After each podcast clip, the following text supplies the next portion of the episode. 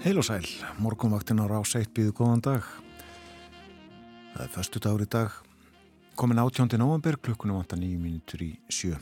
Umsjónamenn morgunvaktarinnar þannan morgunin Björn Þór Sigbjörnsson og Gíja Holmgersdóttir.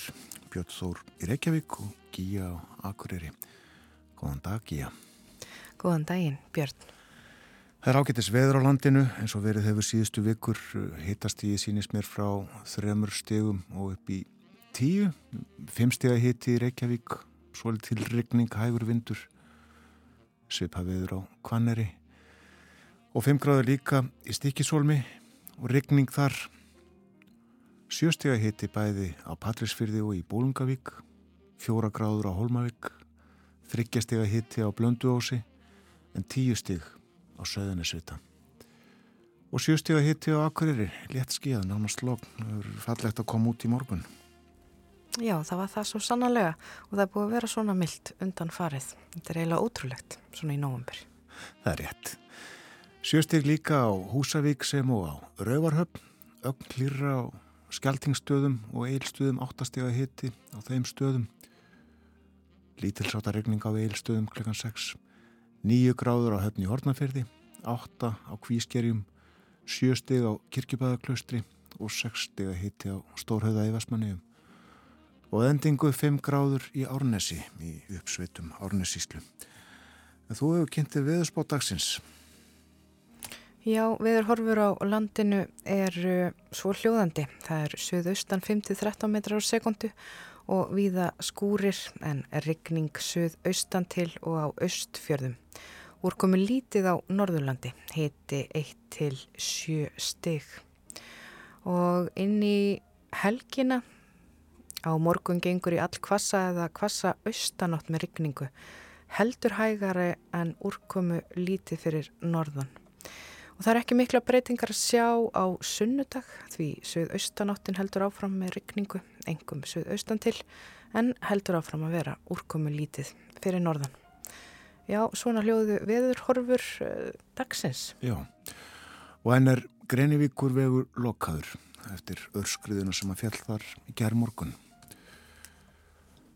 meira að þetta á eftir. En uh, við nefnum það að uh, það lítur út fyrir að þrýr menn hafi verið stungnir á skemmtistæði bankastræti í Reykjavík löst eftir miðnætti. Og uh, frá þessu er sagt á frettamöðlum frettablaðið vefur þess sagði fyrst frá og hafði eftir vittnum sjónarvottum að menn hefðu farið inn á staðinn þeir huldu andlit sín og uh, hlupus út komast undan á bíl en uh, eftir lágu þrýr sem hafði verið stungnir og mikill viðbúnaður vegna þessa auðvita í miðborg Reykjavíkur í nótt. Heyru meira af þessu á eftir. En uh, nú held ég að sé rétt að bregða sér á sólaströnd við förum verðum föruneyti latta.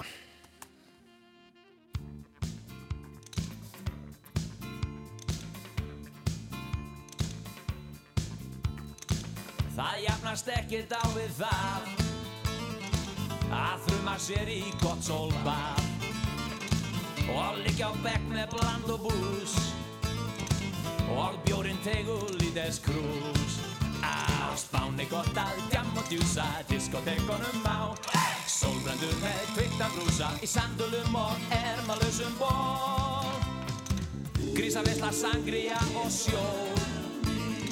Senjóritur sjóskýði og bjó. Nautat og nætur klúpa verð Nekta síningar af bestu gerð. Á spáni gott að djam og djúsa diskotekonum á Sólbrendur með kvikna brúsa í sandulum og ermalösum ból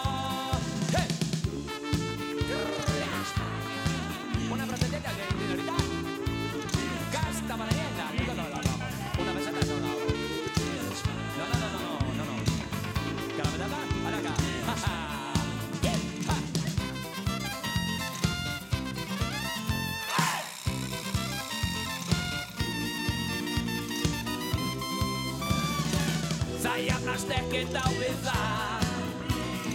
Að þrjuma sér í gott sólbar og liggja á bekk með bland og bús. Og bjórin tegur lítið skrú á spáni gott að djam og djúsa diskotekonum á. Sólbrendu með kviktan brúsa í sandulum og ermalösum ból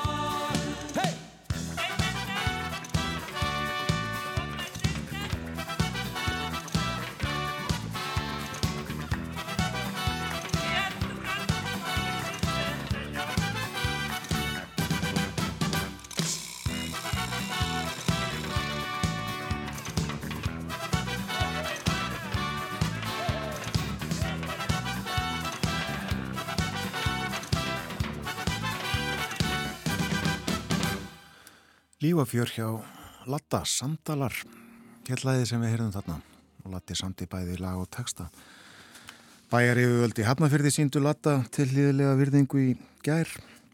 Heiðruðu hann sérstaklega með því að affjúpa svo kallaðan hjartastein við bæjarbíó í Hafnafjörði. En um, áður um, hafði Björgunni Haldósinni verið sínd slík virðing sem á Guðrúnu Helgadóttur Rittöfundi. Allir eru frábærir listamenn frá Hafnafyrði. Það líður að fréttum hjá okkur á morgunvaktinni. Við fáum fyrst auðlýsingar og eftir fréttir þá förum við ítalega yfir dagskráð þáttarins þennan morgunin.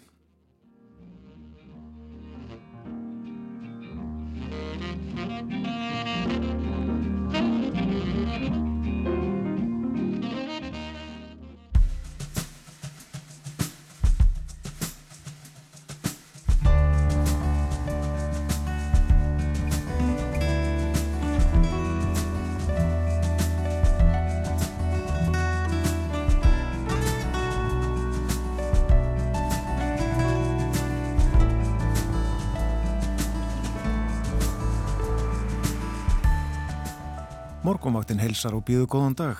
Í dag er förstu dagur, það er komin 18. november.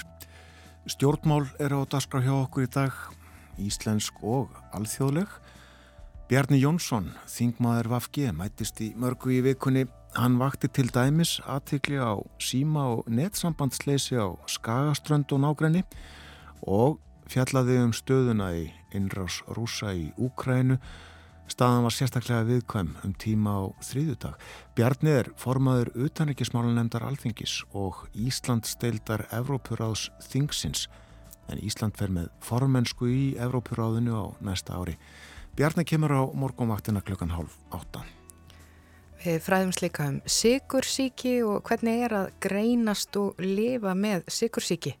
Nýgengi þessa sjúkdóms hefur rókið upp á Íslandi og um allan heim og og á undanförnum árum og nú eru rúmlega 500 miljón manns í heiminum greint með sigursíki. Sigriður Jóhannsdóttir, formaður Diabetes Ísland, félag fólks með sigursíki, hún kemur til okkar upp úr klukkan 8. Og við höldum aftur í tíman í lok þáttar.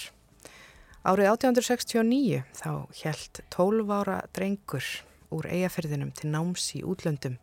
Þessi drengur átti síður eftir að verða gríðarvinnsæl rithöfundur. Bækur hans þýtar á rúmlega 30 tungumál og gefnar út í miljónum eintaka. Þetta er rithöfundurinn Jón Sveinsson eða Nonni og í ár eru 100 ár síðan að fyrsta Nonnabókin kom út á íslensku. Haraldur Þór Eilsson, sapstjóri Minjasapsins og Akureyri, hann kemur og segir okkur betur frá Nonna en Minjasapni stendur nú fyrir sérstakri Nonna hátíð. Umsjónamenn morgunvaktarinnar eru Gíja Holmgjensdóttir og Björn Þór Sigbjörnsson.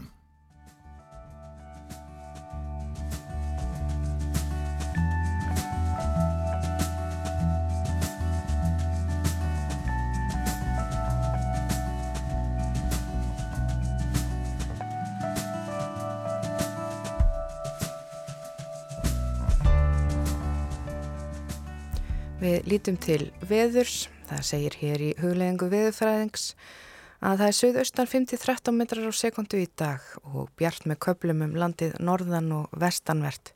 Áfram rigning eða skúrir á söðaustanverðu landinu. Það líkur á skúrum á söðvesturhorninu kvöld og bætir heldur í vind.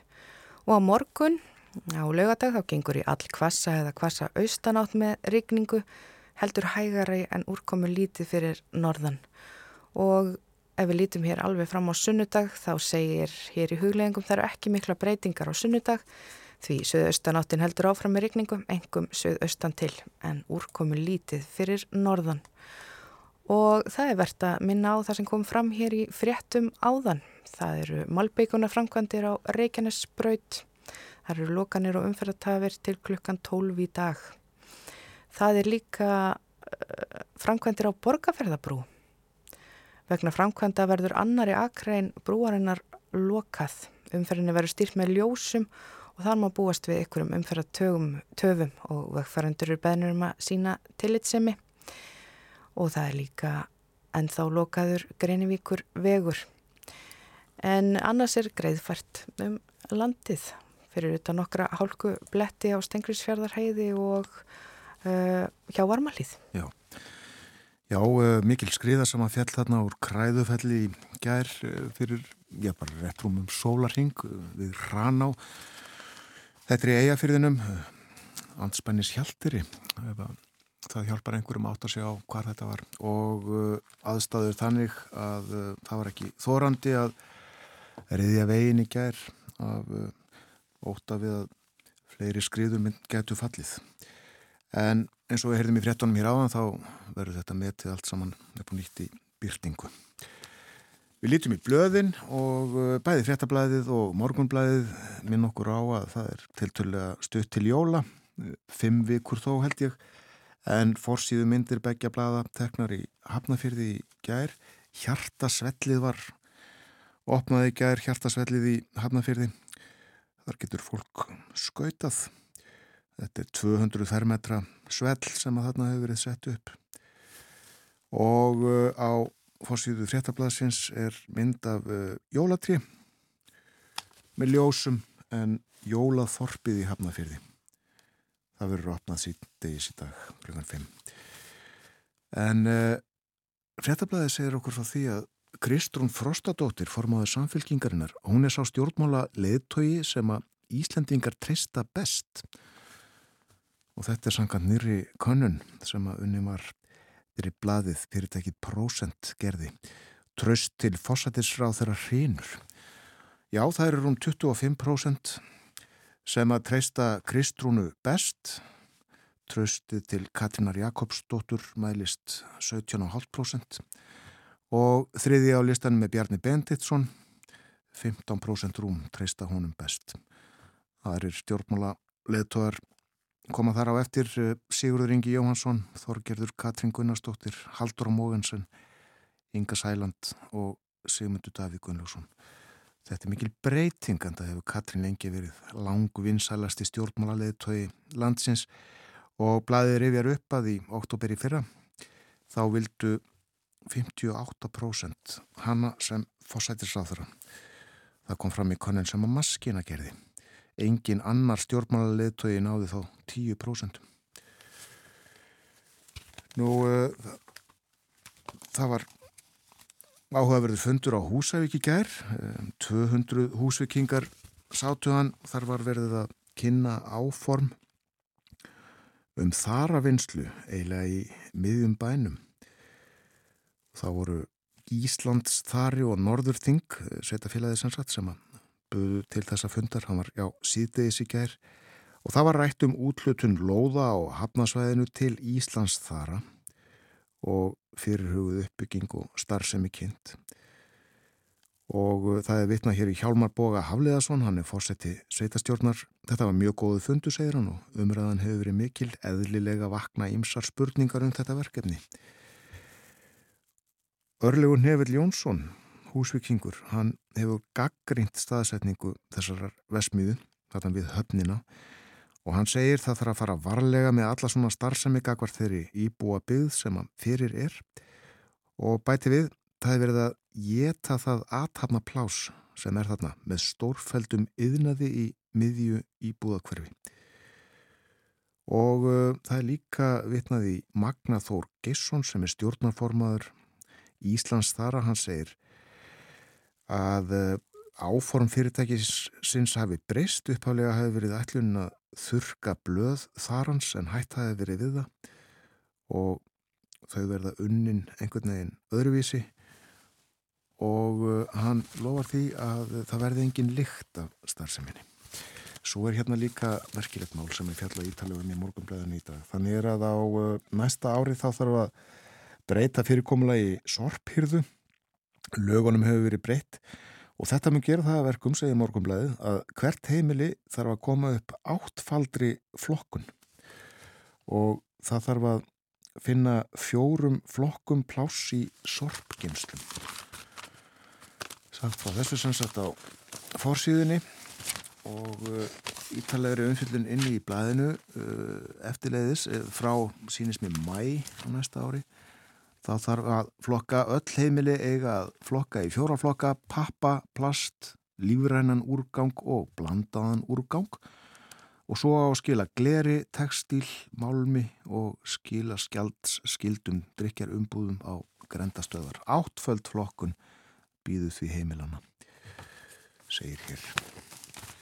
Þetta á svona helst á fórsíðum íslensku dablaðana þennan morgunin. Já, og ef við lítum til erlendu miðlana, þá er nú enþá ófriður innan vekja Twitter. Elon Musk, hann gaf starffólki sínu kost á að halda starfinu og vinna þá lengri vinnudaga eða einfallega fara. En það stendur hér á New York Times og víðar, fórsíðu New York Times er þetta, fjallað um þetta að hundruði starfsmanna hafa ákveðið að fara frá fyrirtækinu og, og að skrifstofur Twitter þær verða að loka fram yfir helgi. Þetta er svona, það er brambröld þarna innan vekja Twitter og á bresku miðlunum, þar er einn maður sem að prýðir helst fórsíðu bladana þar í dag, það er fjármára ráþeran, Jeremy Hunt sem að kynnti nýja fjármálastefnu bresku stjórnarinnar og hér á þessum fórsíðum er talað um að það eru framundan sársauka full ár. Orðið pain er oft notað til þess að lýsa aðstæðum breyta þessa dagana og að fórsíðu Guardian er fyrirsögnin From Bad to Worse, öskunni eldin. Já, það er áframhalda bresku stjórnmálin að vera nokkuð lífleg en í dag líkur COP27 ráðstefnunu í Egiptalandi. Þetta er lofslagsráðstefna saminuðu þjóna sem hefur nú verið fjallað þó nokkuð um og hefur staðið yfir frá 7. november. Og það vakti aðtikli á þinginu hversu vel hennum nýkjörna fórsetta Brasilíu, Lula da Silva var fagnað á þinginu. Hann bóðar mikla stefnubreitingu umhverfismálum og heitir því að vernda Amazon regnskóin. Og örlítið þessu tengt þá er fjallað um það hér á forsiðu svenska dagbladit að kínverjar ætli að byggja nýja kólaverksmiðu og ganga þannig gegn grænum lofvörðum en lofslagsvísindamæður sem blaði ræði við segi kynverja vel geta náð markmiðum og staðið við markmið. Þeir ákveði einfallega að gera það ekki. Já, og fleira hérna tengt lofslagsmálum kemur fram á politíkinn að hitast í Danmörku á síðustu 30 árum það hefur hækkað að meðaltali um 1,5 gráðu. Þetta er sangvæmt nýri skýrslu frá dönsku veðurstaðu stofunni og 1,5 gráða, þetta er auðvitað tákgræn tala, þetta er markmið Parísasáttmálans sem var eh, gert 2015 en svo segir hérna líka að það er líklega vona næturfrosti og mögulega snjó í Danmörku um helgina víða í Danmörku.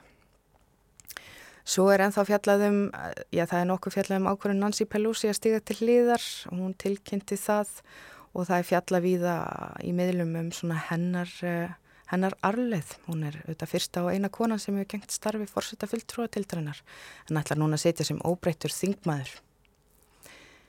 Já, það er ímislegt framöndan hér á morgunvaktinni, þannig að fyrstudags morgun við ætlum til að mynda að fjalla um rítvöndin Jón Svinsson eða nonna eins og hann er betur þekktur. Það eru hundra ár síðan að fyrsta nonnabókin kom út í íslenskri þýðingu og margir hlustendur hafa ábyggilega lesið bækunar hans. Þetta eru miklar ævintýra sögur þar sem Ísland er eins og einn stór kostlegur leikvöllur.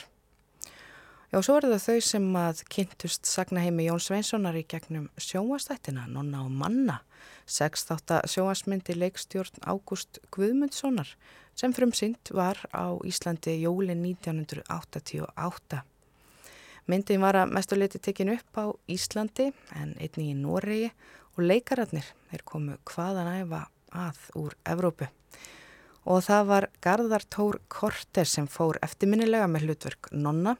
Hann var þá um 13 ára gamall. En hvernig hrefti Garðar þetta eftirsóta hlutverk? Já, það kemur fram hérna í viðtali í morgunblæðinu að upphafið af þessu öllu var þannig að Garðar Kortes, fadir Garðars Tórs, hann var beðin um að lesa eitt hlutverkið, hlutverk morðingjans. En hann þótti einfallega bara ekki nógu morðingjalegur, svo ekkert var það því. En framleiðendur vantaði en dreng sem geti talað ennsku, kynna á skýði, kynna synda og væri vanur hestum og þá kom Garðar Yngri til sögunar, hann gatt þetta allsamann og landaði hlutverki nonna. En þó leiklistin ætti vel við Garðar Tór þá ákvaðan einhver síður að gera söngin að sínu æfi starfi og við skulum nú heyra lag í flutningi Garðar Tórs, þetta er lagaplutinni Kortes sem kom út árið 2005 en platan var á sínu tíma tilnænt til bresku klassísku tónlistafelunana. Lægið sem við hlustum á heitir Lontano eða á ítölsku í fjarlagð og lægið er sungið á ítölsku en uh, lægið sömdu þeir Fridrik Karlsson, Einar Bárðarsson og Leoni Tinganelli. Við hlýðum hér á lægið Lontano.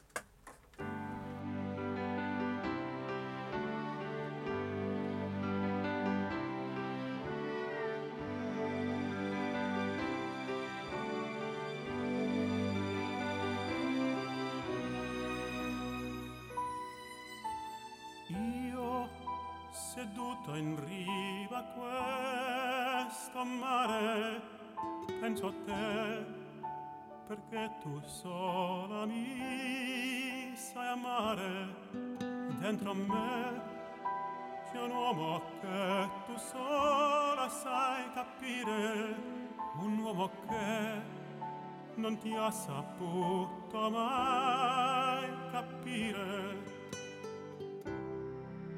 E portami via con te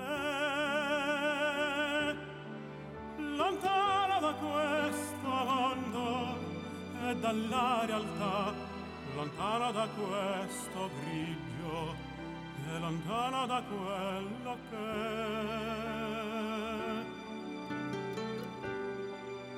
ti porta via da me leggeri come l'aria e a te.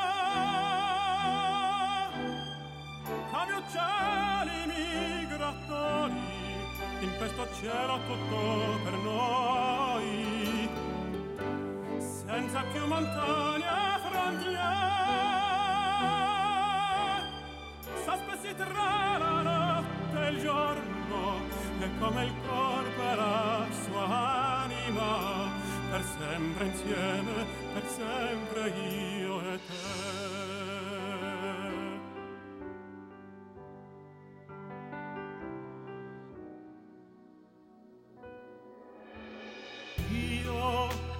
volta mi perdo in questo vento perché io non ho la forza che tu hai dentro perché io voglio saperti sempre a me vicino perché io io amo ogni tuo e portami via con te. Lontano da questo mondo e dalla realtà lontano da questo grigio e lontano da quello che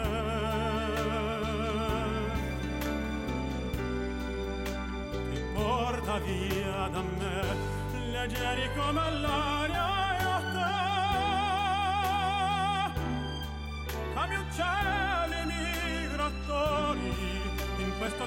tutto per noi, senza più montagne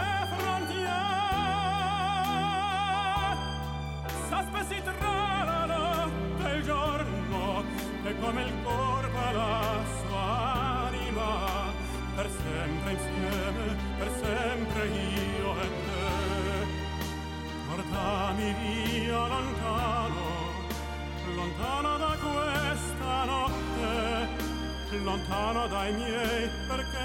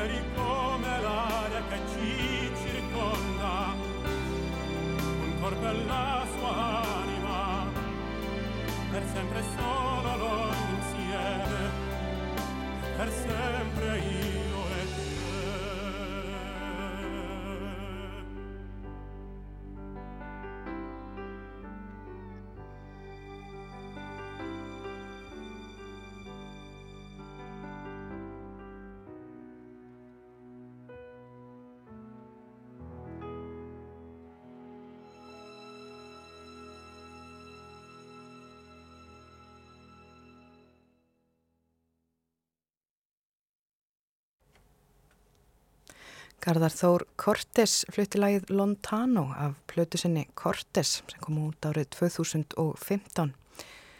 En meðal höfunda þessa lags er ítalinn Leone Tinganelli. Og hann Leone Tinganelli, hann hefur nú fengist eh, töluvert við tónlist sjálfur en hann er fættur uppalinn í Napoli og kom hinga fyrst til land sem ferðamaður sumarið 1986, þá 22 ára. Þá voru reikvingar að fagna 200 ára afmæli sínu og Leone lendi í miðjum fagnaðalátunum og skemmti sér konunglega daga, næstu daga. Svo vel reyndar að þegar hann kom aftur til Napoli þá hætti hann í skóla og í vinnunni og ákvaða að flytjast til Íslands yfir veturinn. Og til þess að gera langarsögu stutta þá býr hann hér enn og á fimm dætur og vil hvergi annar staðar vera. Þetta hækkar hlutfall Íslendiksins í honum með hverjum deginum sem líður. Og hann samti eftirminnilegt lag, Hálfur Íslendingur sem var vinsalt uh, já, þegar hann gaf það út í tilumni 45 ára amalsins 2019 og línutnar, ég ætla að lesa hérna nokkra línur úr þessu lagi. Ég er hálfur Íslendingur, fættur í Napoli, ég var ungur útlendingur þegar ég sá þig fyrst og ég tek alltaf lísi til að sanna fyrir þér að ég er álfuru Íslendingur. Þó ég tali íslensku daldið út úr kú, er ég samt hamingjusamur. Því Íslandi landið er borðar hákarl og slátur, ég geri hvað sem er til að vera hjá þér. Ég er kaldur og blöytur bæði sumar og vetur, en mér hlínar á ný þegar þú ert hér hjá mér. Ég er hálfur Íslandingur skuldugur í kreppunni. Eila alltaf blankur en verður róleg ástinn mín. Já, svona hljómar þetta. Eh, hluti af þessu lægi hálfur Íslandingur eftir Leóni Tinganelli. En það líður hér að uh, frétta yfirliti.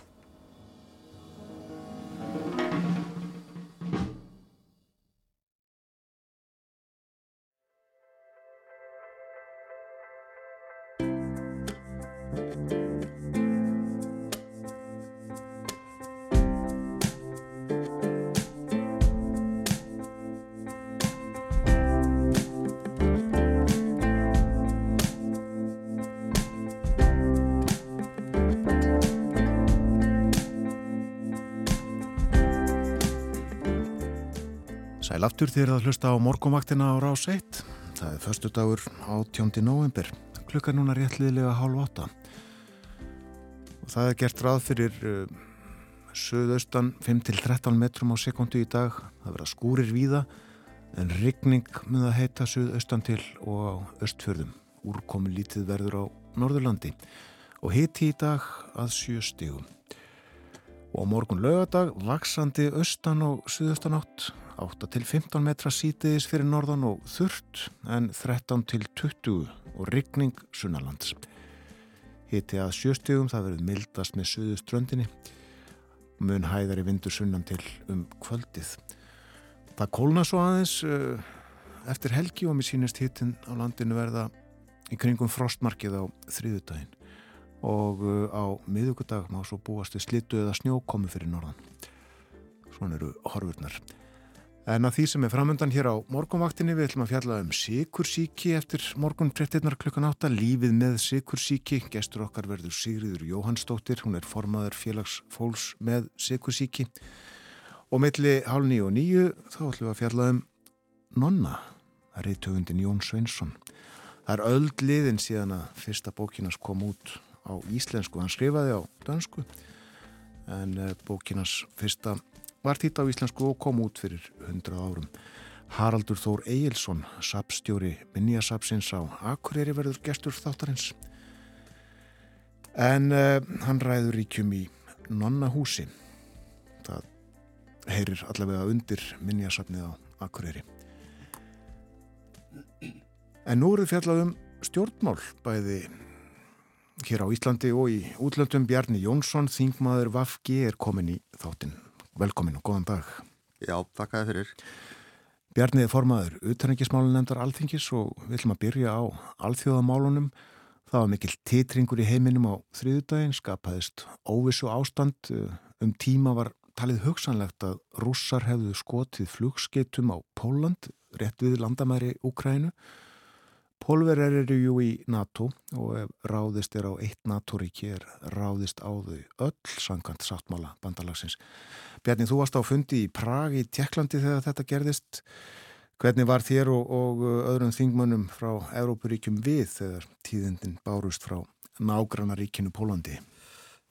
Auðvitað verður öllum mjög illa við og, og þannig að það liggur í loftinu til einhver sem að þessi stríðsátök dragast að langina að það geti komið upp alvarleg atvik eða einhver sem geti leitt okkur uh, í ennþá verri aðstæður og, og, og því miður hefur við verið að sjá uh, sjá slikt gerast undarföldum þannig að, að það skilt líka greiðulega máli hvernig viðbröðun urði síðan strax sem að var yfirvögun, hófsamt uh, komið til bossi hvað raunvel hafi gest og það lettu meðalans pólverar veginn og, og fleiri hérna lettu verið í heiminum og hérna þannig verður að til, að, til þess að allavega forðast mistök eða viðbröð sem eru, eru umfram tilefni að það verður klálega að gæta, gæta því en það er bara því miður mikil hætt á að eitthvað slíkt geti gæst að við getum mögulega mist gjössalatökin á stöðinni. Já og auðverðarikismálun nefnd Alþengis kom saman morgunin eftir hvað fór fram á þeim fundi?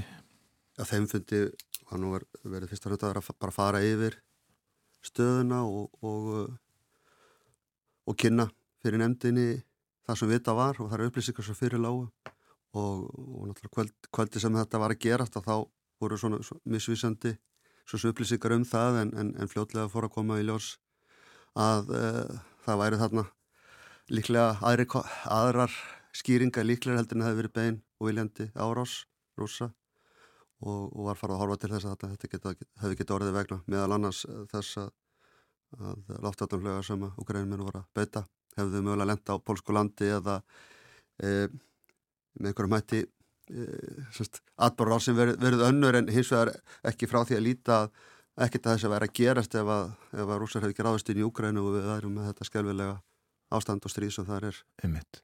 Hefur utaríkismálun nefnd oft fjallað um stöðumála eftir að rúsar riðust inn í Ukraínu? Já og, og ég verður að segja að við erum mjög ánað bara með það hvernig það hefur líka verið samstarfi við utryggisraðunettið og, og utryggisráðara og við fáum með reglulega bæði minnisblöð eða trúnar minnisblöð um stöðu mála þannig við erum mjög vel upplýst og, og, og fáum fötur á raðunetti sem svo eftir aðtökum ráðherra til þess að koma til okkur og fara yfir þannig við fylgjum mjög grænt með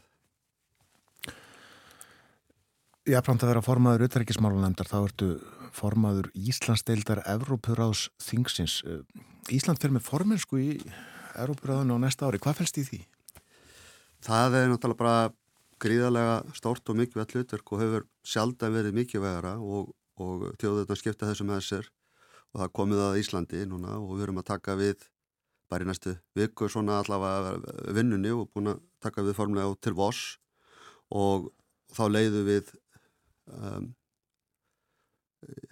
mörg verkefni þar inni og núna sem aldrei, aldrei fyrir þurfum við virkilega að, á því að halda að þjapa þjóðum saman um þessu grunngildi sem að sem að hérna, skipta öllu máli fyrir okkur. Og þar er Euróbráð og Euróbráðs þingi sem er mikið vettfangur þingmanna þessara 46 ríkja sem eru aðlarað Euróbráðinu uh, mjög mikið vettfangur að fylgja eftir og veita aðhald uh, aðaldaríkjónum og uh, þetta snýst náttúrulega um að tryggja líðræði í landunum og mannrettindi gríðarlega mikið var þáttur í þessu en líka bara uh, sjálfstæði domstóla og, og, og þessu uh, eh, heðalegur og fjalli, fjalli hérna með réttum hætti um, um mál sinna þegna.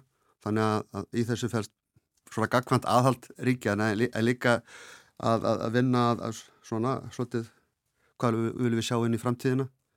Og, og svo eru með þessu, þessu stóru mál sem er undir núna að það er annað greiðala stort verkefni sem líka kemur okkar að hönd núna. Og er búið að kynna að það mun verða uh, fundu leðtoga Örubur-Ás ríkjana á Íslandi í mæ og þar sem við verðum geskjafar og uh, það er mjög stort og mikið hlutik sem við erum þar að taka að okkur að, að vera geskjafar slíku fundi þar sem leðtoga þessara landa munir koma saman og fara yfir stöðun og, og vonandi munir koma, muni koma út úr því svona uh, mjög naglfastar leiðir og ákvarðanir til þess að, að uh, færa okkur fram veginn í Európu og, og, og þetta ræðarnar hjá okkur og líka gagvart, gagvart bara uh, þessum álefnu Úgrænu og, og við stöndum saman með Úgrænu og látum ekki svona gerast. Já. Európuráðið er náttúrulega algjörlega ótengt Európusambandinu. Segð okkur aðeins betur hvað, hvaða apparat þetta er? Já, eins og ég nefndi þetta er þetta er orðin svona eldri og mjög mikilvæg eh, mikilvæg vettfangur margar ríki og þetta eru miklu fleira eins og Európa-sambandsríkin eru bara 27 en þarna eru 46 ríki og ennþá fleiri sem að fá að setja fundina sem eru þannig að hérna þarna er bara mjög lifandi vettfangu fyrir umræðum, mannreitindi fylgja, fylgja eftir e, e, því að, að, að þau séu virt í aldalandunum liðræði, eftirlit með, með, með, með því og domstólum og, og líka bara að bræða strax við eins og til dæmis Örubráði og Örubráðs þingi var kallað til funda fljóðlega eftir innræðsrúsa í Úgræðinu þar sem var tekið nákvæmum það að, að reka rúsa úr ráðinu sem að var held ég mjög eh, það var eitthvað sem gerðist mjög hratt og þurfti ekki lákan aðdraðanda og allir sammála um það að, að við þetta er þetta með yngum hætti unna þannig að send mjög sterk skilabó strax að þessum vettfangi. Já, en þetta er aðalega umræðu vettfangur og, og, og þannig eru samþektar áleiktanir. Það er samþektar áleiktanir og, og svo síðan eh, er það fyllt eftir og hérna það er, kemur þá í hlut við komum til ríkja líka breyðast við og svara fyrir fyrir það og oft verður þessu bara mjög gott samtal við stjórnvöldi við komum til löndum og og þá líka mikilvægt við eh, erum þá þarna að gæta hvað sem er í stjórnvöld eða, eða þess sem er í stótaranstöðu hverju sinni og slíkt þannig að það sé, það sé gott í affægi á, á líraði í þessu landum. Já, þú nefndi líka já þennan leðtóafund Europur ásins eh, leðtóar ríkjana eh, þeir heitast ekki oft. Þetta er bara hvað, þriðið eða fjórði fundurinn? Þetta er, þetta er fjórði fundur leðtóa, fjórði fundur leðtóa Europur ásins og þannig að það, það er tímumóta viðbörður og, og þetta verður hvað okkur varðar eh, jafnveg stæstu fundur sem við höfum nokk tíman haldið á þessu tægi Það er þess að þetta koma uh, fósættisráþurar og eftir aðtökum kannski fleiri ráþurar frá öllum aðeldaríkunum 46 Já, við ventum þess að, og leggjum miklu áslá það að, að það verði uh, mikil mæting og, og, og þjóðalett og að lítið svo á að þeir verða að vera þarna til að taka þátt í og fylgja eftir stórum ákvarðunum sem, sem við vonum að vera deknur og þarf að taka eins og staðin er í dag. Já, hvernig ákvarðunir þarf að taka? Ég það er til dæmis bara raunverulega að, að treysta þá bara stóðir e, líðræðis í Európu, skrundóta gildi sem við verðum að samanast um og tryggja og líka horfa til framtíðar e, hvernig viljum við sjá Európu þróast og hérna fylgja því eftir og að fást við þegar að koma svona hræðilegir atbyrðir upp eins og innræðsrúsa í Ukraínu að við verðum að geta tekið mjög hart og ákveð á þessu út frá þeim svona markmiðin sem að tannu eru til staðar. Já, Já uh, þetta innrásastrýð eru þetta hræðilegt og uh, afleiðingarnir eru margvíslegar hingað. Hafa komið ja, yfir held ég 2000 flótamenn frá Úkrænu og uh, það hefur verið mislegt annað gerst verða á ymsum aðfengum bæði til landbúnaðar og annarar framneðslu hefur hækkað og aðrar verðhækkanir hafa líka orðið Sko hvernig eh, sér þið fyrir þér að ímislegt er varðar þá hliðmunni þróast á næstunni? Sko, ég hef miklar ágjörð því auðvitað við búum nú þegar við greiðlega hörmungar út af stríðinu og svo eh, við erum nýstíðin upp á COVID-bylgjunu sem að skilur mörgland eftir svona aðeins lemströð og síðan erum við að fást við afleðingar láttarsbreytinga og, og, og uh, stríðis kemur síðan ofan í það. Og uh, þetta er, við erum að sjá náttúrulega orkukreppunni í Európu og alls konar aflengar að þessu og, líka fæðukreppu. Og því miður, og ég hef gríðilega rákjörði því að, að jafnvel þó að það tækist að stöðva stríðið innan einhverja mánada og, og fara vindu ofan að því öllu saman, að þá sitjum við uppi með afleðingar þessa allavega næstu tvö árum bara í, í, í því að fæðuframisli heiminum er að, er að detta mjög niður uh, út af svo mörgum ástafum meðal annars út af bara ábyrðaskorti eins og grunnefni ábyrð er ekki við að fá og, og Rúsland hefur verið stærsti framlegandi þeirra. Þannig að það er að fara að hreinja svolítið ennþá uh, niður matalaframislan og uh, það mun bara því það því miður ég er beilin að 12 mánuði fyrir að sjá fram henni í, í, þetta að, að fæður ekki fara að verða alveg grundvallar atrið og það er svona mjög mikið við sem er takkað þessu umræðu hér líka heima átt okkur á því hvað skiptum alveg fyrir okkur að tryggja okkar fæður ekki og hvað þurfum til þess og, og það er svo margveitslegt eins og auðvitað er það öflug matalaframsla en líka bara tryggja að, aðfeng og við getum verið sem mest sjálfum okkur nóg bara á flestum sviðum. Já. Og hvað er til ráða? Ég, það er eins og ég er bara að segja, við verðum að gera svo vel að, að, að hérna, gera það sem við getum, auðvitað verður að stoppa þetta stríð sem allra fyrst og, og snú ofan af, af því en það þarf að grípa til margvísleira aðgerð líka bara til að tekja örygg okkar á, á svo mörgum sviðum. Við búum ágætlega varandi orkuna, 85% af þeir, þeir orku sem við nýttum gefum frá grænum orkugjöfum á Íslandi, þannig að það er mikil, mikilvæg sérstaða sem við höfum þar.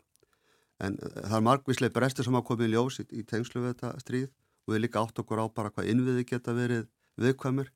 Uh, við erum reglulega myndaða kannski með, með, með ofsaveðurum eða mögulega náttúruhanförum og svo er það náttúrulega í tegnslu við strísátök og slíkt þannig að hérna, e, við sjáum líka hvernig vera miljónur innviði í Úgræni núna sem er skelvilegt sem, e, bara að, að, að hérna, vera að taka niður fjarskipti e, ramagn og, og þetta sem skiptir máli til að halda hlutunum gangandi þannig að við þurfum að leggja mikla áherslu á það líka hér heima að, að treysta sér inn við og það er umvel nútímin í svona, þau erum að hugsa um okkar bara varnir og öryggið, bara í hverju fælst svona öryggi í Íslands, það fælst ekki síst í því að, að treysta inn við eh, um all land. Já, og þú hefði mitt uh, eh, fjallaður um símasambandslesi, netsambanslesi á Skagaströnd og nákvæmni vikunni. Skrifaði grein?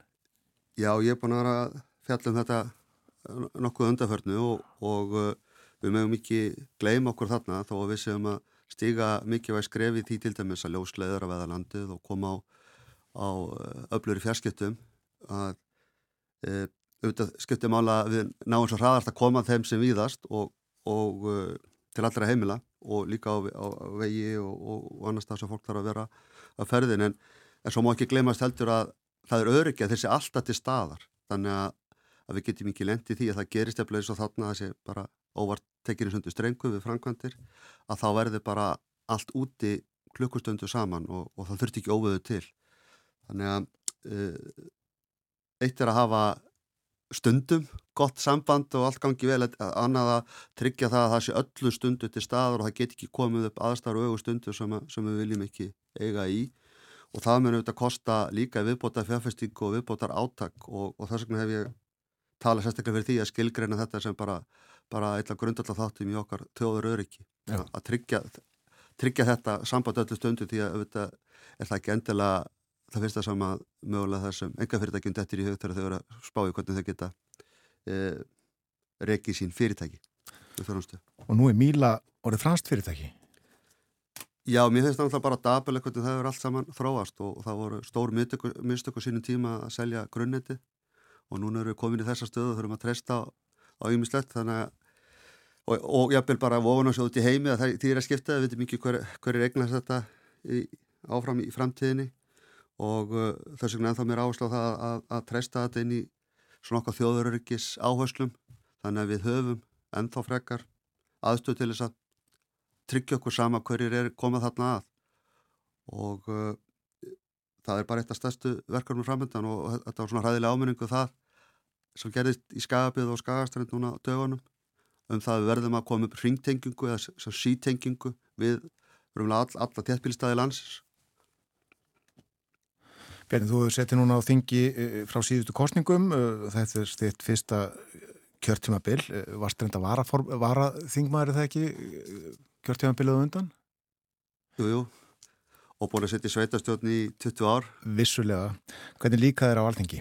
Þetta er bara ágæðlega ég hef svo sem lengi fylst með þessum málum og, og, og fæði mér satt á þingi. Vissulega, Jón, Bjar Jón Bjarnason? Jón Bjarnason og hérna þannig ég hef svona fylst vel með gegnum árin og, og það er líka mjög mikið að þetta hafa verið sveitastjórnmálunum og koma, koma svo inn á þing og hafa þann bakgrunn og þá einsýn það er ómyndilegt en, en mér líka vel og vinnur gott fólk og góðu félagskapur og, og er líka kræfindi verkefni.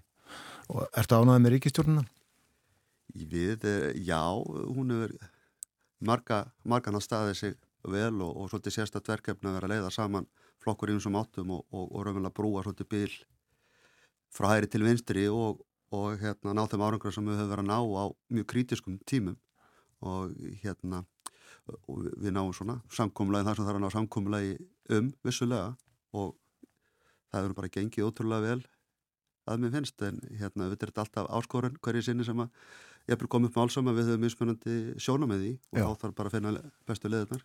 Sumi segja að uh, það far ekki mikið, allavega ekki nógu mikið fyrir uh, Vafgi í ríkistjórninu og verkum hennar. Hvað veistur um það? Ég er ekki sammálað því. Mér veist að hafa verið að standa sig gríðarlega vel okkar ráþeirar og við erum talað með fórstsráþeirar sem aldeilis hefur nú uh, staðið í stóru verkefnum og, og uh, við erum með nýja ríkistjótt núna, þetta er ekki sama ríkistjótt var, var síðast. Félagsmaráþarann er að, að gera mjög góða hluti matvælaráþarann og, og þau voru öðru hluturkum í síðusti ríkistjótt þar sem að, að mættun og heldur betur á vafkið til dæmis í COVID þar sem að, að uh, Svandi Sáastóttir stóð sér gríðarlega vel í því, þeim verkefnum sem þar á okkur endið þannig að ég er ánæmið þeirra starf. Já, já. Uh, margi segja að, að brottvísu nýleg hælisleitenda sé nú ekki í andafafki, hvað finnst þú um þau mál?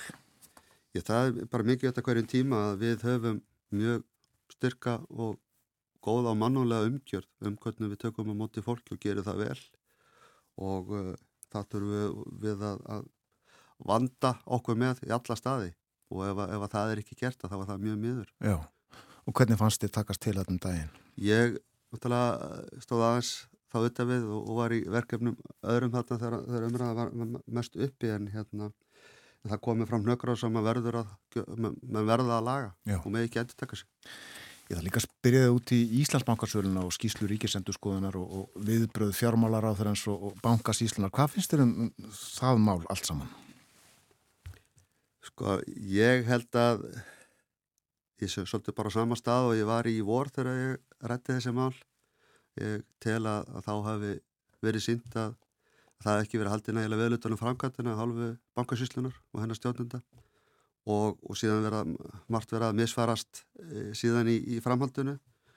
Og núna likur fyrir þessi skísla ríkisendurskóðanda og við eigum vonu síðan að fá frá fjármjölættiritinu e, þá í, í janúar skils mér líka þeirra útætt og, og mikilvægt að sjá hvað þar kemur þegar þeir eru að taka á öðrum þáttum.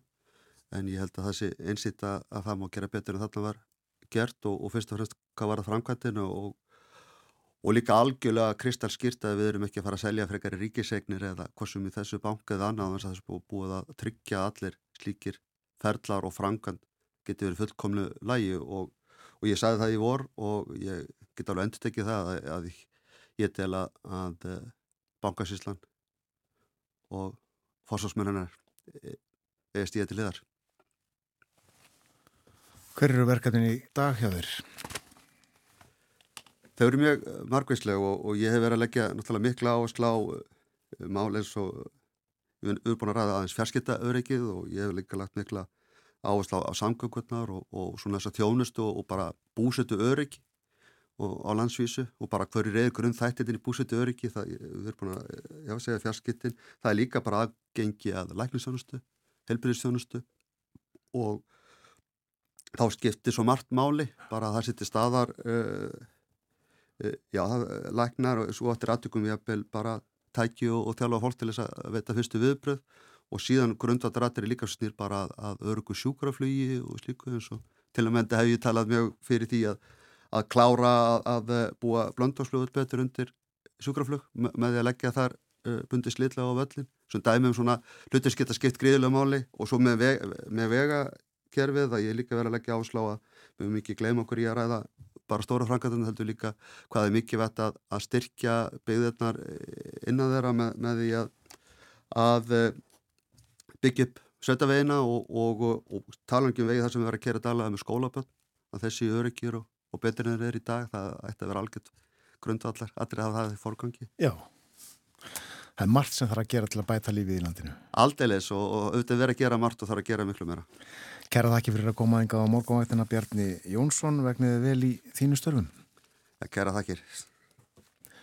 Framöndan eru frettir hjá okkur, kom eftir 6 uh, mínútur sínismir, uh, fyrst auglisingar, allt með hefðbundum hætti hjá okkur á morgunvættinni og eftir frettir þá ætlum við að fjalla um sikursíki, lífið með sikursíki Og svo er það Jón Sveinsson Nonni við fjöllum um hann upp úr hálf nýju.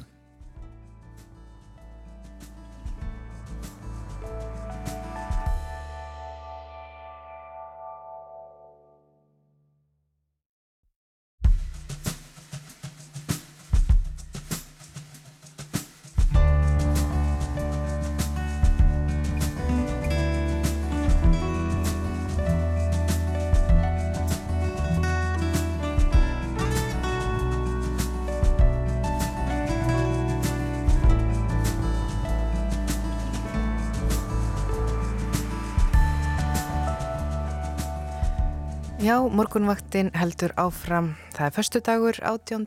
november. Klukkan er, já, rétt liðlega 5 mínútur, já, 6 mínútur gengin í nýju og hann var hérna áðan hjá okkur hann Bjarni Jónsson, þingmaður Vafki og formaður utanrikismála nefndar. Hann er núna gengin út í daginn, sinna sínum störfum og hér á eftir verður hjá okkur hann Haraldur Þór Egilson, hann er sapstjóri minnjasapsins á Akureyri allar spjalla svolítið við okkur um hann Nonna, Jón Svinsson, rítvöndin. En uh, næst er það sikursíki og hvernig er að lifa með sikursíki. En alþjóðlegu dagur sikursíki var haldinn nú fyrir vikunni, mánudaginn 14. november og sá dagur er valinn af því að það er fæðingadagur kanadíska vísindamannsins, Sir Fredrik Banting, sem ásamt fleirum náði árið 1921 að einangra virka efnið sem að breysið framleiðir, efnið insulín og árið setna í januar 1922 þá var þetta mikilvæga efni orðið nægilega vel þróað til þess að hefja tilraunir hjá mönnum og eftir þetta gjör breytist meðferð við sigursíki. En nýgengi þessa sjúkdóms hefur rókið upp á Íslandi og um allan heim á undarfernum árum og nú eru 537 miljón manns í heiminum greint með sikursíki, samkvæmt tölum frá Alþjóða helbriðstofnunni. Og til að ræða þessi mál þá er hún mættingað á morguvaktina Sigurður Jóhannsdóttir, formaður Diabetes Ísland, félag fólks með sikursíki. Vertu velkomin Sigurður. Já, takk fyrir búið.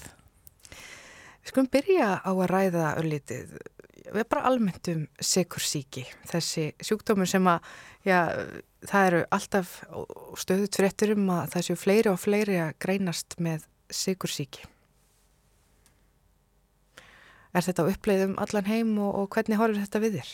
Já, þetta er á uppleiðum allan heim og eins og var kallað hérna fyrir COVID, faraldur 21. aldarinnar, kalluður þeirra hjá helbriðstofnuninni Og það er líka á Íslandi, við vorum svona fyrst framan af, kannski ekki alveg eins þröð þróun hérna en hún er alveg, er í takt á Íslandi við, heim, við heiminn. Þannig að það er, að það er sérstaklega aukning í tegund 2 síkusíki það er mun meiri fjölgun þar. Síkusíki skiptir svona í, í tvær tegundur á megin svona að, aðalega í tegund 1 og tegund 2 Já. En það er líka aukning í tegund 1 en ekki eins mikil og það er ekki kannski alveg vita nákvæmlega af hverju það hefur vaksið. Já, svo er ég nú svo nýlega búin að hérna ganga í gegnum fæðingaról og allt það og þar var nú talað um hættu á sikursíki. Er það, tengist það afbrið 1 eða 2? Nei, það er alveg, það er meðgöngu sikursíki tels bara sér tegund og hefur að vaksi mjög á Íslandi og út um allan heim á síðust árum, sko, mjög mikil aukning í meðgöngu síkisíki og þegar þú ert eins og búin að fá meðgöngu síkisíki þá ertu ég miklu meira áhættu við að fá tegum tvö síkisíki setna á yfinni það gengur þannig til Já, en við ætlum að fjallaðu lítið um sko hvernig er að lifa með uh, síkursíki, hvernig er að greinast með síkursíki og mér langar að fá aðeins einsinn bara einn í þína persónulegu reynslu uh, Þú ert með síkursíki Hvernig greindist þið? Já, árið 1990, hvað, 32 ár síðan þá. Mm. Var svona tilturlega gömul að greinast. Og mannstu þennan dag þegar þú greindist, er þetta þér í fersku minni? Já, það er í fersku minni. Ég hafði farið til heimilisleiknis og hann hafði sterkan grunn hvað væri að mér og hann sendið mig bara til sérfræðings og ég var svona, tók það fyrsta skipti svona, hann tók blóðsíkuspróf og þá kom ég ljósa ég var alveg bara það var, fór ekkert að milli mála þannig að, já, ég, mann mann það svona, þetta var svona þetta gaf kannski ekki áfall, ég fór tildulega vel út úr þessu, það er margir sem fá alveg áfall en ég bara held ég ég veit það ekki, en allavega þetta gekk bara ákveðlega hjá mér og ég hérna fór strax á liv og þannig að þetta bara, þú veist, gekk þokkalega vel, en þetta dittir náttúrulega svona breytingu á lífsáttum hjá, allavega hjá mér. Mm. En hvaða enginnum varstu búin að taka eftir sem að ja, benda til síkursíki? Já, ég var hérna síðist og drakk sigrað kók. Það var nú kannski ekki það besta sem maður gæti gert. Maður vissi bara ekki að maður væri með síkursíki og svo voru mjög þreytt. Þannig voru mín enginni. Það eru svona, held ég að það er algengustu enginni sem fólk finnur fyrir. En er þetta alltaf lúmsk fyrir þá sem greinast með tegund 2 því að þetta eru svona væg enginni og smá saman aukastög. Þannig að fólk getur verið þetta því meður lengi með sykusíki á þess að átta sig á því. Það byrja með hægt og rólega. Já. Fyrir, svo þetta er tegundum, svona, það er mísjamt til fólki. Þetta er fjölbreyttu sjútumur ekki allt, ekki allt eins í öllum sko. Nei. En uh, þekktur eitthvað til síkursíki sjúkdómsins þegar þú greindist? Nei, raun og veru rosalega lítið. Maður er ekkert að hugsa um aðra sjúkdóma, þú veist, þegar maður er ekki sjálfur með, með það, það held ég. Maður svona lagðist í mikinn lestur, sko, hérna, og, og svona það sem maður náði, náði í. Það var náttúrulega, það er allt öðruvísi núna þegar interneti er út um allt, en þegar ég greindist, þá var maður ekki að fara, þá fór maður bara í svona í það sem hefur gefið út og hérna blöð og svona, því það var ekki mikið þá, þá, fór, var, þá var ekki með aðganga netun en það er náttúrulega gjörbilding en því miður kannski ekki allt áræðanlegar upplýsingar sem er á netunu það er svona, maður þarf svolítið að velja það Já. núna í dag. En hvernig ekki að fóta sig bara í gegnum heilbreyðiskerfið uh, að Já. fá sigur sig í þarna 1990 90, Það gekk nú ég bara það gekk nú bara vel í raun og veru sko, ég, þetta var svona áfalla löst fannst mér. Þannig að hérna fyrir mig sko persónulega en það er misjamt hvernig maður lendir í því en ég var bara mjög heppin með hvernig, hvernig ég lendi í hlutunum mm -hmm. fór strax hérna til meðhandlunar á, eða fljótlega á hérna þess að hétt þá gangudeld sukura heiti núna innkirladeldin á landsbytalanum og þannig að ég lendi ekki neinum hremmingum en maður hefur heyrt ymsasögur endar og fólk hefur svona, þú veist, hefur gengið illa greina og allavega og það er misjöfn þjónustan um landið, þú veist, þetta er til dæmis ákvað helsikeslu stöðu, það er mjög breytilegt og það hefur nú verið eitt af markmiði félagsir að reyna að tryggja það að allir fáið svona svipa þjónustu að vera svo, mikið æðin allstaðar en það er svona, þú veist, er breytilegt svolítið en þá dag Er það það fræðsla til heilbleiðis starfsfólk Já, sem skortir? Já, það, það skortir kannski svo litið. Það, seg, þetta er náttúrulega mjög margir, margir aðilar sem veita fólki sérstaklega með tegum tvö hérna, meðhendlun og meðferð. En þetta, allt, þetta er alltaf betri, þetta er gengur betur og er mikil áhugi náttúrulega innan heilbleiðiskerfisins og helsugjastlu til dæmis höfuborgarsvæðins að bæta þjónustuna fyrir, fyrir endar alla langveika og króniska sjúklinga. Mm -hmm. En eh, mér langar aðeins svona, já, búnaðurinn sem að eh, síkur sjúkir þurfa að notast við, það er insulínið Jú. sem að þið þurfið og, og það þarf að setja það einhvern veginn inn í líkamann. Já. Uh, já, hefur þú upplifa mikla framför í Já. búnaði eftir því, já, frá því að þú greindist? Já, ég hérna, það, það var 1990 sem ég greindist og þá voru konið svona insulinpennar þegar voru að koma markaðin og ég byrjaði að nota þá en núna er ég á svona insulindælu sem er svona það, annan handlegur þá það, ertu með dælu sem gefur þér þú, þú set, hún er sett í samband eða stungið inn og hún gefur sjálfvirt og svo gefur þú líka fyrir, með máltíðum sko Þannig er, þetta er rosalega breyting sem er átt sér stað til dæmis síðustum 30 árum. Og fyrir vikið er miklu betra að hafa kontról og hafa stjórnat á sikursíkinni. Þú fylgist miklu betur með þetta en gert var. Og ég get, veit nákvæmlega hver blóðsökurinn er bara alltaf hverju, hverju mínútu. Hversu oft þarf að fylgjast með blóðsökurinn? Hvað mennur fylgja, uh, hérna? Já, mæla sig, mæla blóðsökurs. Uh, Já, sko það fyrir eftir því ákveðni meðferðu og ert á. Mm. Hérna, ég til dæmis þarf bara eiginlega aldrei að mæla blóðsökurinn lengur sem er mjög gott put og puttarnir lagast. en hérna, að því ég er með svona sírit á sjálfverk og dælu sem mælist samfelt og með sensor, en kannski svona þeir sem eru að penna, ég, þeir mæla kannski aldrei minni þrísar á dag og sem eru náttúrulega oftar, sko. Já. Sem eru á einsulingjöfinni, sko. Akkurat. Það er þetta starf sem, sko, það er félagið, Diabetes Ísland, félag fólks með sikursíki.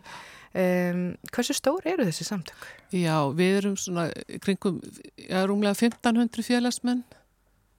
Sem, þannig þau eru, já, ég veit ekki hvað að kalla þau eru ekkit lítil kannski með mörg sjúklingafélag en við gætum alveg tekið við fleiri félagsmennum því það eru mjög margir með sikursíki á Íslandi í dag þannig að það er ekki náttúrulega allir með sikursíki sem eru félagsmenn en það mætti nú endilega bætast í hópin Já, og þú talaður um fræðslu til heilbríðstarfsmanna sem eitt af ykkar áherslumálum eru fleiri málsiði leggið áherslu á? Já, við viljum náttúrulega fræða okkar eigin félagsmenn um sikursíki og, við erum líka hagsmunafélag geta hagsmuna fólks með sikursíki, það er dýrt að vera með sikursíki, það kostar heil mikið að nota heilbriðskerfið og við reynum, reynum að vera talsmenn náttúrulega fyrir, fyrir fólk með sikursíki, kakvar stjórnvöldum og sjúklartryggingum og þannig, þannig, þannig aðilum.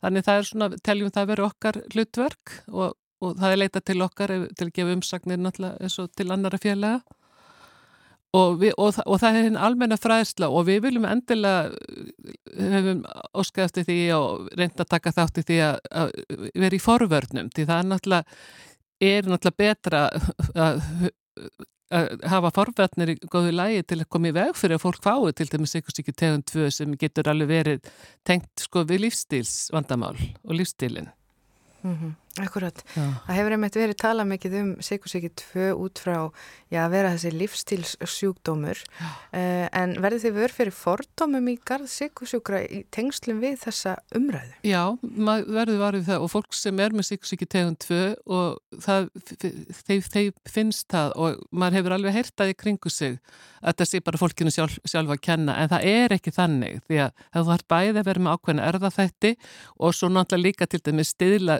ofþyngd stöðular að þú, þú, þú, þú meiri líku til þess að fáið sikursíki tegund 2 en það er ekki bara það, það er hvort tvekja sem þarf að hérna og fólk, fólk með sikursíki tegund 2 finnst það finna fyrir fordómi, já, því miður.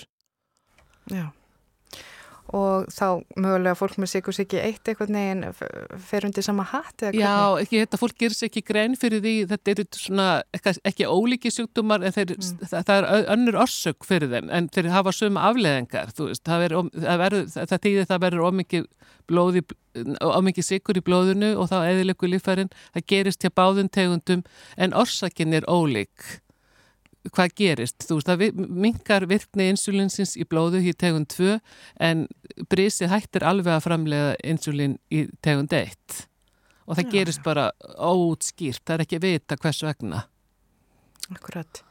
Um, Það var haldinn, já alþjóðlegu dagur síkursíki nú fyrir vikunni á mánudaginn, 14. november og þetta hefur verið gert núna í mörg ár.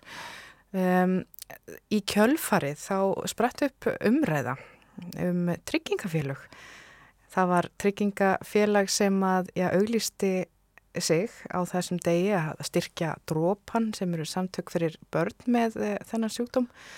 Um, en, og fóreldra er að líka já og fóreldra, já. já en síðan er, er já, mjög erfitt fyrir sikursjúka að fá tryggingar hvernig horfir þetta mál við þér svona rétt í lókin? Já, þetta er ekki nýtt mál en uh, oft uh, hérna, það er þannig að þeir sem eru síkusjúkir og fólk með langvenna sjúkdóma fær hvorki sjúkdómatryggingu nýja líftryggingu og það búið verið til margra ára og oft verið svona haft samband við yfinstryggingafélag og ég man fyrir mig sjálfa að koma hérna einu sinni fyrir nokkur ára nýtt félagin að markaðan og auðvist að þeir ætluð að að hérna tryggja fólk með sig og síkja en svo náttúrulega þegar við vorum að senda inn öll gögn þá náttúrulega var það bara ekki tryggt.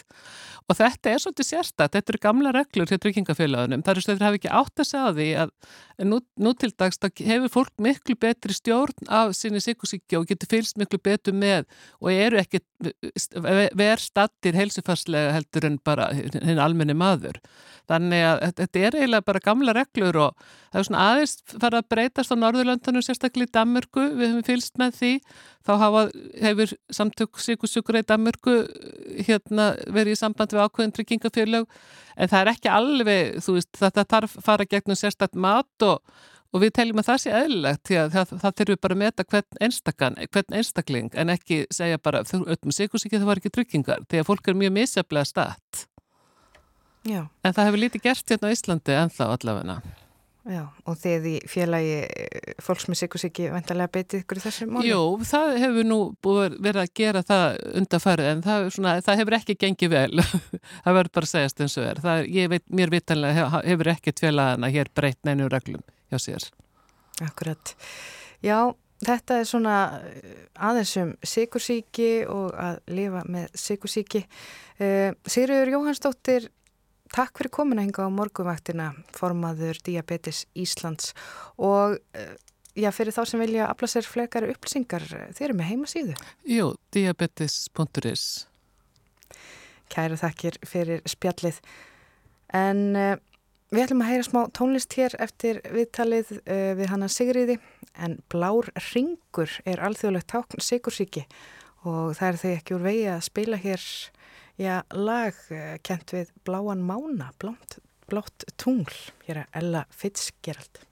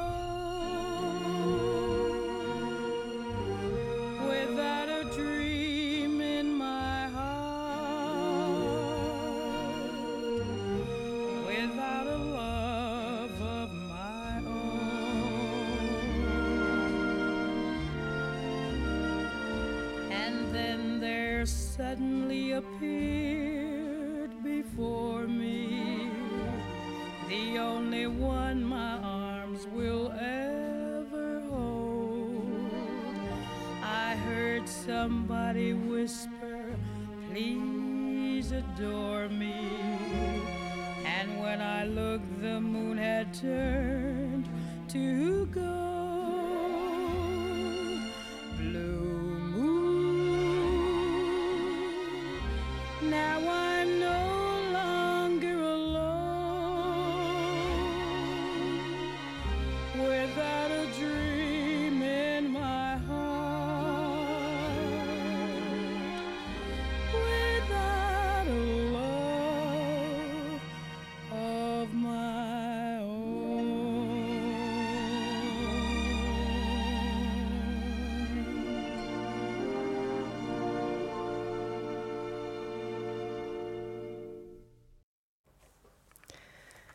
Já, þetta var lag, lagið Blue Moon, Ella Fitzgerald söng hérna e, notalega. En við vorum að fjalla um sikursíki og hvernig er að lifa með sikursíki og það er hægt að leita nánari upplýsinga og, og ja, verða félagi í, í, í félagi fólks með sikursíki fara inn á heimasíðuna diabetes.is. En það líður að frétta yfirliti hér á morgunvættinni.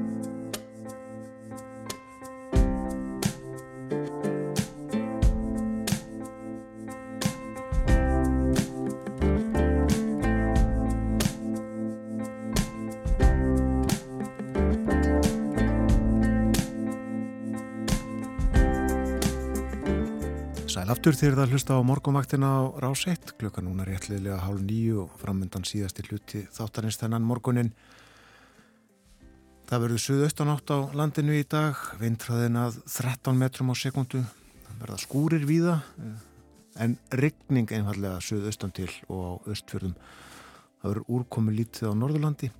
Og hitti á landinu í dag 1 til 7 stig. En er eh, Grenivíkuvegur lokaður eftir öskriðuna sem að fjalla á veginn gær. Þarna við Hraná eh, úr eh, Kræðufelli. Ekki oft sem að við höfum nefnt þetta fjalliða fell. Hér í þættinum allavegna Kræðufell. Það er þarna við miðjan eigafjörðin eitthvað svo leiðis austanverðan þar að segja Kræða. Held að það sé fjallagrasategund minnir það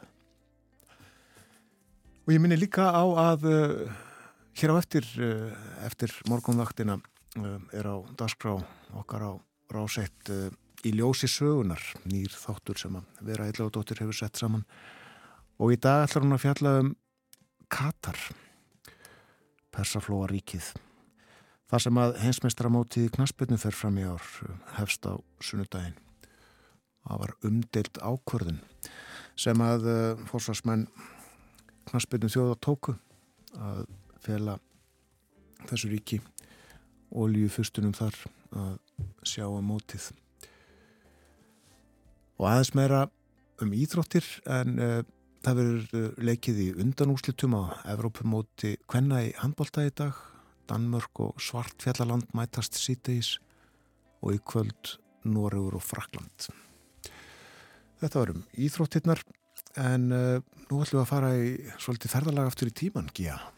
Já, það var nefnilega árið 19, nei, nei, 1900, 1869 að 12 uh, ára drengur úr eigafyrðinum held í ferðalag að fara til náms í útlöndum og þessi drengur hann átti síðar eftir að verða gríðar vinsætlir ítöfundur, bækur hans þýttar á ótal tungumál og gefnar út í miljónum eintaka. Og við erum auðvitað að tala um ítöfundin Jón Sveinsson eða Nonna en Í ár eru 100 ár síðan að fyrsta nonnabókin kom út á íslensku og þessum tímamótum er nú fagnað á minnjasafnun á Akureyri Og til þess að segja okkur betur frá því og nonna sjálfum er hinga komin í hljóðstofu á Akureyri Haraldur Þór Eilsson sapstjóri Minjasapnsins. Vartu velkomin? Takk fyrir það. Jæja, hundrað ár síðan fyrsta bókin eh, kom út á íslensku. Þetta eru þetta tilöfni til mikillar háttíðar. Já, svo sannarlega. Það, hérna, þetta, hérna, þetta kallar á, á smá tilstand. Þannig að við, hérna, við blésum til háttíðar Við erum alltaf haldið upp á afmæli nonna sem er 16. november með einu með öðrum hætti og hérna ákveðum því að uh, gera aðeins meira þetta árið og, og hérna með við fína viðtökur þá, hérna, þá ætlum við að halda þessu bara áfram og næsta ári verðum við. Það er annað ammæl á næsta ári sko. Já, og það er þá hvað ammæl? Það, það er þá 110 ár síðan að, að fyrsta bókina sko bara yfir höfuð út á, á hérna ja, á prenti. Já. En uh, ég sá nú eitthvað staðar að, að þið eru með handritið, það, þið eru með það núna til sínis, all þessari fyrstu bók. Já, það reyndir ekki að sko fyrstu bókinni sem kom út á þískri tungu, uh, hann skrifaði þetta fyrst á dönsku, að við erum með það handrit hjá okkur til hérna, að láni frá landsbókursafnu bara rétt yfir, yfir hérna, þessa háttíð, þeir voru svo vinsalega að lána okkur þetta. Og hérna um, hann skrifaði þetta fyrst á dönsku bjóð í Danmörku og var þar kennari og ætlaði að koma þessu uh, hérna út hjá, hjá hérna uh, frændum vorum og, og, og þáverandi hérna uh, þjóð sem að, að, við vorum bara partur af en, en þau voru ekki, hérna, það var ekki áhugið þar þannig að hann fótt í Þýskalands.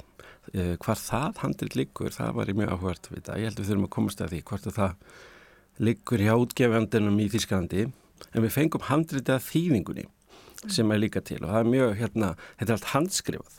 Já. þetta er ekki velritað upp og, og hérna uh, og, og, og þannig handrit heldur er þetta handskrifað handrit af þýðandalum sem er mjög skemmtilegt, þannig að við erum hérna með þessar tvær, þessi tvö handrit að því allra fyrsta og svo, svo fyrsta handritið á, á íslensku. Já, og þau eru varfitt á uh, á landsbókusafni, og, og titilin er á síningun ykkar er handritin heim sem eru þetta skemmtilegt svona leikur að orðum. Já, það hérna, þau hafa aldrei komið inn í þetta hús þó að mm. nonni hafi búið hérna, hérna sínum mótunar árum. Að þá hérna, þá kom hann til dæmis bara einu eh, til Akureyri eftir að hann hérna fór sem lítill strákur og gerði það heiðusborgara í leðinni hérna, hann er handritin hans hafa aldrei komið inn í húsi þó, svo, þó að sögurnar hefur kannski kviknað þannig upp í lilla kvistherbygginu sko. Já, og þú ert að tala um nonnahús sem er staðsett í innbænum Akureyri og tilherir minnjasafninu Akureyri. Já, það er, og er, mér minnir það að sé sko elsta skaldasafn á Íslandi. Mm. En aðeins bara um nonna sjálfan, Jón Sveinsson, hann fer þetta 12 ára til náms. Hvernig voru svona, já, hver er, hvernig er upphafið að því? Hvernig voru aðstæðar hans þegar hann var yngri?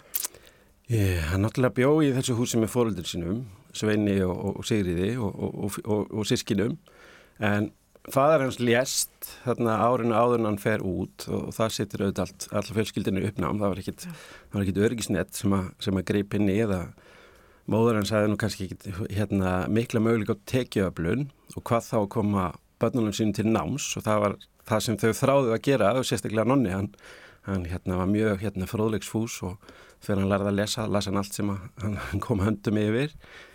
Uh, en hérna það var hér uh, katholskur uh, prestur sem að hérna kom til leiðar að tveimur ungum drengjum úr eiga fyrir var bóðið að fara til náms í Amen í Fraklandi til þess að fara og verða katholskir og katholski prestar sem var mjög umdeilt þannig að þetta er ekki bara umdeilt að senda svon sinn 12 ára gamlan sko, mm. til framöndi landa heldur líka að fara og verða katholskur Já Eh, en hann var ekki einu svona númer sko eitt eða tvö í rauðinni sko. Þannig að tilvælinnar eru, ef þetta eru þá tilvælinir, en það, hérna, eru algjörlega því það voru í það minnst einn ein drengur sem var á undan sem að fjölskyldan eða móðurinn vildi ekki senda svon sín alla þessa leið til, til útlanda. Og hann hefur viðkomið áður en að fyrir nú til Fraklands til Danmerkur. Og, og, og tekur þar upp katholskona eða? Nei, um, alla leiðir frá Íslandi leikja til Danmerkur á þessum tíma.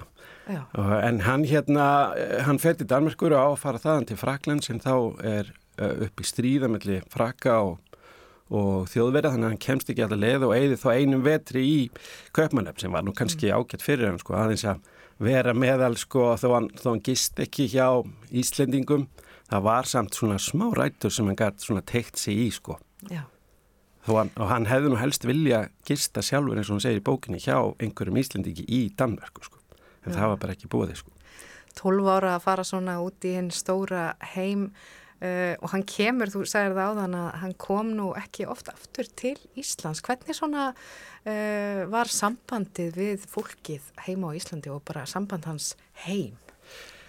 Heim var, það er mjög flókin spurning því hvar heima sko þegar maður fer svona í börtu um, öll hans fjölskylda var verið farin frá Íslandi, svo eini sem að, sem að var bókstælega rótfæstur á Íslandi var fadur hann sem var jarðaður í, í kirkigarðum hérna fyrir, hérna á Akureyri. Allir móður hans og, og hérna bræður og sýstur þau drefðist út um viðan heim sko til Evropu og, og, og flest fóru til, til e, Kanada og hérna enduð þar sko. Þannig hvar var heima? Það, þráðurinn lág alltaf heima, hann stemdi alltaf að fara heim sko.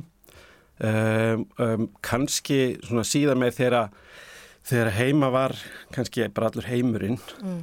þá var erfitt kannski að vita nákvæmlega hvaðan eh, ég hef nú ekki farið þannilega yfir, yfir hérna, dagbækur hans til þess að greina það nákvæmlega hvar, hvar heim er en hann skrifar, eina sem hann skrifar á íslensku er í dagbækurnar sínar Já, allt hitt skrifar hann á, á ellendum ellendir tungu. Já, eh, aðeins að bókunum hans. Hann já, skrifaði gríðamarga bækur og þegar þau þýttar á ótal tungumál, hvenna byrjaði hann að skrifa? Sko hann byrjar, þetta er nú verið uh, hérna einhvað sem að hefur verið að brjótast í hann mjög lengi því hann skrifa greinar sem byrtast í, í katholskum, katholskum blöðum bara fyrir aldamóti 1900 skrifa bók, svona ferðabók. Það er svona, hann er bæðið að skrifa ferðabækur og svona unglinga barnabækur í dag myndum við kannski frekka að segja að þetta væri svona bara almennt eh, eða svona bara bækur fyrir fullöfna mm. en hérna, hann er að byrja hérna um, um aldamótin og svo svona kannski skrítið að segja að verðum til að verða, verða lasin. En hann fær leifir sem sagt frá hérna sinni jesuíta reglu að einbytti sér af að reytstöru þeir hafa örgulega gert sig grein fyrir að það sem hann skrifaði þá ætti aðtegli og þetta var svona kannski bara reyfingunni til góða að, að hann kæmi sínum hérna uh, rítum meira á framfæri. Já, um, og fyrsta bókin kemur út á dönsku? Nei, nær, hann næri aldrei að koma út á dönsku. Hann fær engar undirtektir í Danmörku og kannski ja. spila þar inn í líka uh, ákveðin hérna, þættir í, í hérna, þjóðurnisbar, eða sjálfstæðisbarat við Íslendinga.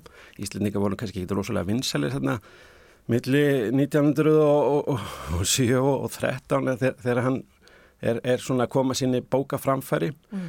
þannig að hann fer til Þýskalans með handriti og hann er ráðlagt það að hérna, að, að hérna fá þjóðverða til þess að gefa út bókina sína eðir, eðir uh, rúma ári eða tæpa ári í að, að nema Þýskar bókmyndir hann, hann geti skrifað þetta almenlega því hann endur skrifað þetta þetta er ekki þýtt já, já. En uh, urðu bækurnar strax uh, vinsælar? Já, fyrsta bókin sló allrækilega gegn. Þannig að hérna seldist, seldist í gríðarlegu upplægi. Þannig að það var aldrei spurninga að útgefandi vildi fá aðra bók. Og svo urðu þetta alls tól bækur áður en að dó. Þannig að hérna, þetta gegn bísna vel. Já, þetta eru þessar nonna bækur svo kallar. Og hann skrifar hann í rauninni Uh, um Ísland og það er æfintýra heimurinn. Já, það er náttúrulega það, það, hérna, það merkilegis hann er að skrifa um heimaslóðunar og, og svo fer hann og heldur sko fyrirlestra þegar hann er orðin þessi rítifundur þá fer hann og heldur 5.000 fyrirlestra í, í hérna út um allan heim og er svona kannski okkar menningarsendi herra á þessum tíma sko því að þá er hann alltaf að tala um Ísland landi sem hann hafi í raun og veru kannski já, sem, hann, sem hann fór frá 12 ára gammal og þekkti kannski ekki rosalega mikið Já, um, já bækunar hafa verið þýttar á ótal tungumál og drefst viða um heiminn. Er hann vinsalli á einhverjum ákveðnum svæðum heldur en öðrum? Hann náði þetta sína rætur í Þýrskalandi. Það er það hérna bæði austur og vestu Þýrskalandi þegar það var uppi sko. Uh, og í, eins og í Hollandi er, hefur hann hérna haldið haldi velli. Við finnum það bara í nonnahúsi að það, hvaðan fólk kemur og svo frá Japan.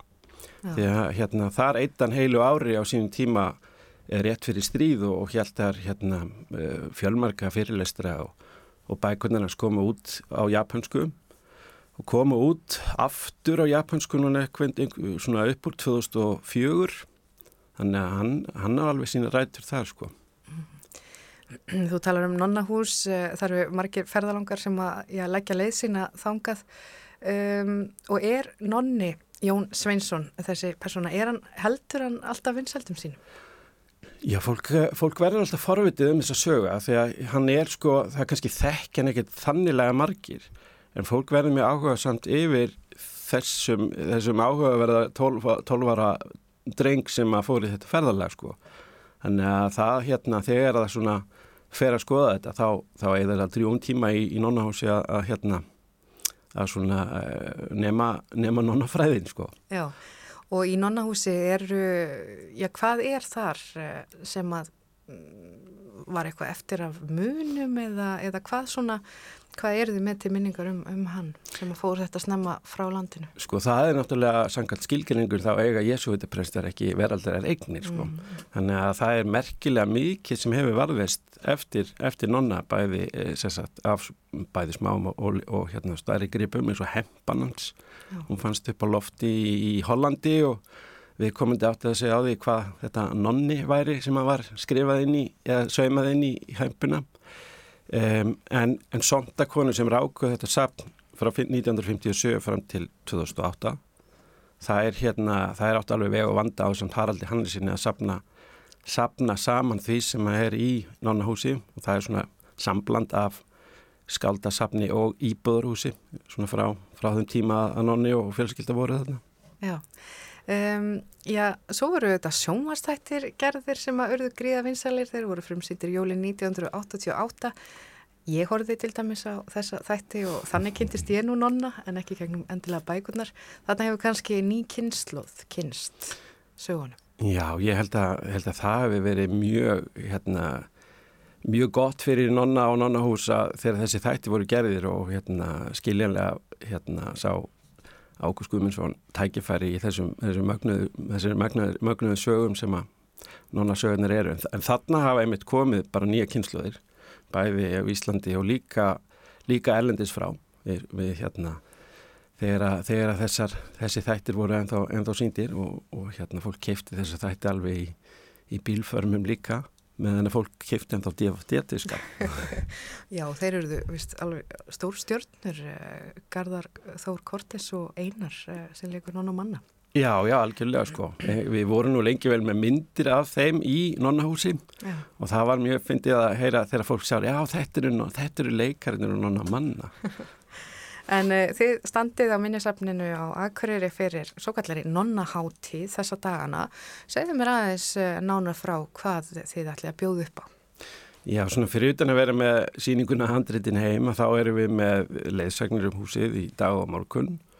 Um, við, við hérna setjum upp smá barnabóka sölu, fengum hérna fórbóka veslunna fróða til þess að vera með barnabókamarkað Svo við, verðum við á uh, morgun, verður hún Brynhildur Þóransdóttir í húsinu að kynna nýja bók, nýja barnabók sem hún hérna er að gefa út. Hún, hún hérna verður mjög fróðlegt og á, á sunnudagin þá verðum við með tónleika. Þeir verður endur upp á minnisafni því að nánásinu er ekki stórt. Þannig að við verðum með tónleika, já, við með tveimur góðum kennurum við tónlistskóla Akureyri sem ætla að flytja, flytja hérna nýtt íslensku verk með þessu.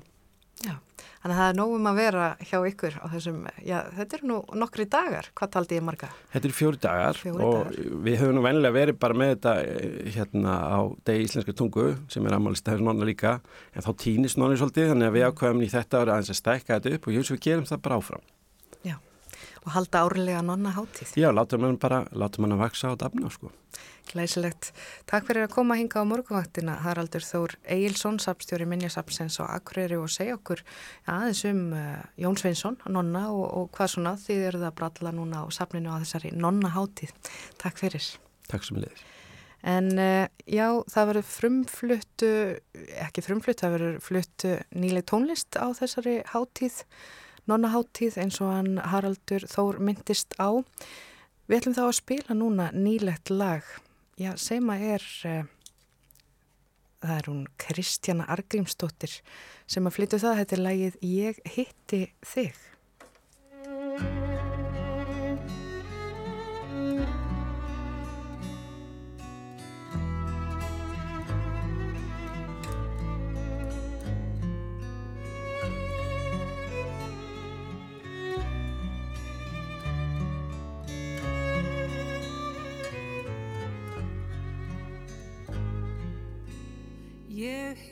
Hitti þig eitt laungu líðið vor. Og lengi var ég efinn sem þau kynni. En eitt er víst þú eftir skildir spór sem ekki verða máður vitund minni. En setna þegar allt var orðið breytt og engins blóð frá mínu hús að þínu. Ég skild að gæfan gefur engum neitt sem gætir ekki vel að lífi sínu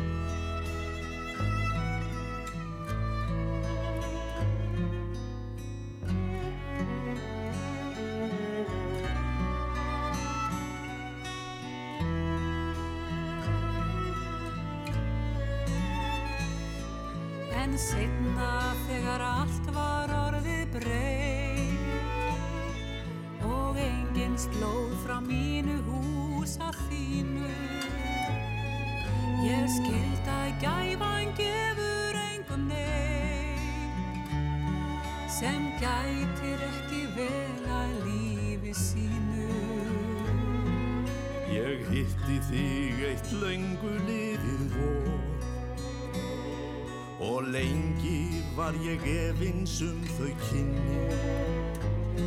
En eitt er víst þú eftir skildir spór sem ekki verða máður vitund minni.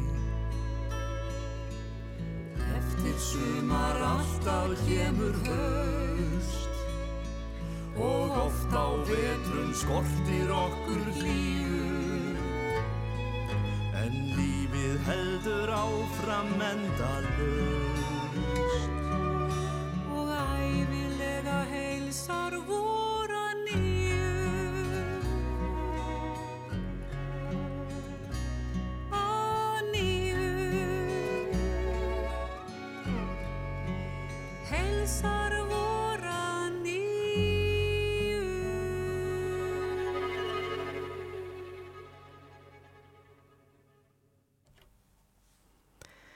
Kristjana Argrímsdóttir flutti hér lægið Ég hitti þig og Kristjana samti sjálf lægið við ljóð Lenu Gunnlaugsdóttur frá Allastöðum í Svarfaðadal. Og það segir hér um lægið að ljóðið er fallegt og um myndrænt um ást og vináttu og aðskilnað. Lífið heldur áfram endalaust og æfinlega hilsar vor að nýju. Í fyrstu ætlaði Kristjana að syngja þetta lag einn en svo kom upp svo hugmynd að mótleikara að fá já, engan annan en Kristján Eldjárn Hjartarsson, eigin mannanar og þarna sungu þau saman. En þetta er að væntalegri plötu sem Kristjana hegst gefa út og mun heita Ég heitti þig. En lægið, já, fjallaði um ást og aðskilnað, stef sem að finna má einmitt stert í skrifum Nonna, Jón Sveinstónar, Ástinn og söknuðurinn eftir Íslandi, Æskunar sem finna má í skrifum hans. En það líður á lókum. Já, uh, líður að lokum morgunvaktarinnar þannan morgunin og þessa vikuna. Við höfum setið hér síðan fyrir sjö í morgun Björn Þór og Gíja. En uh, tökum okkur hlið frí öllu heldur yfir helgina og morgunvaktin verður á sínum stað á mándags morgun við þokkon samfélgina verði sæl.